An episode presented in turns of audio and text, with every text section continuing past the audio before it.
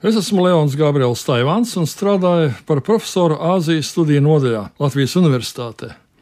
Un šodienas jautājums ir, kāda nozīme ir ģimenei Āzijā?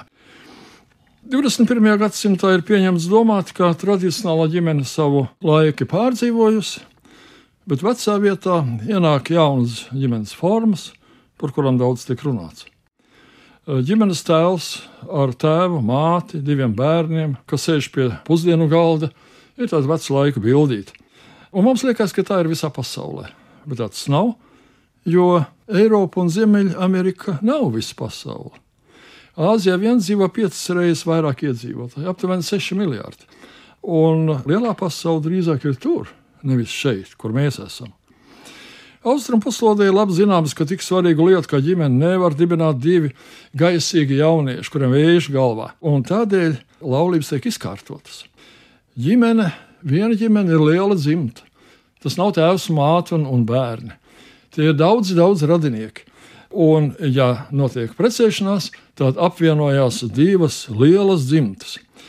Un tas nozīmē, ka šīm divām dzimtēm būs jādzīvo kopā, vienam otram jāpalīdz un jābūt, eh, protams, eh, ciešos rados.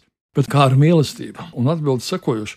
Mīlestība nāk pēc tam, vajag eh, padzīvot, piedzīvot bērnus, un tad jau arī zin, ratniecība un mīlestība pienāks pēc tam. Bet jauno iemīlēšanās netiek ņemtas vērā. Šodien, ja kāds ļoti pretojās izkārtotām laulībām, tad uh, vecāki piekāpjas, bet meklē citu variantu, kā nokārtot šādas izkārtotās laulības.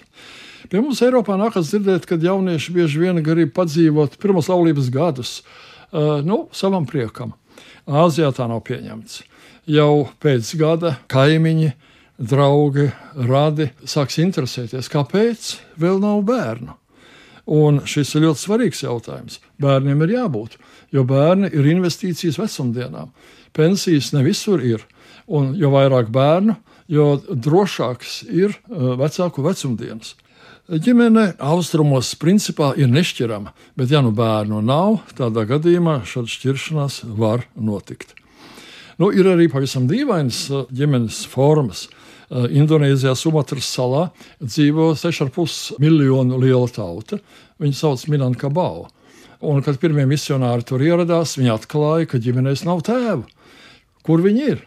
Izrādās, ka sievas tiesības bija tik lielas, kad rezultātā ģimenēs nebija zināms, no kādiem vīriešiem ir nākuši kuri no bērniem. Un šī iemesla dēļ bērnu audzināšanu parasti uzņēmās sievas brālis, tātad onkulis. Un tad, kad misionāriem bija jāpārtulko uh, kristīgā lūkšana mūsu Tēvs debesīs, tad viņi ilgi domāja, kā to pārtulkot, jo tēva jēdziena nebija. Nu, rezultāts bija tāds, ka šo lūkšanu pārtulkoja ar pirmajām rindām mūsu onkulis debesīs.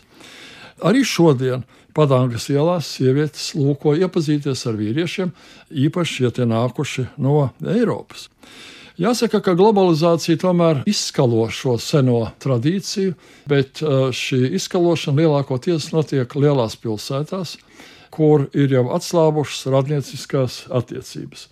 Un tomēr, tomēr šis process ir ārkārtīgi lēns, un uh, mēs vēl gadu simt droši piedzīvosim un redzēsim senās tradicionālās laulības, kur precās ne divi indivīdi, bet precās divas dzimtas.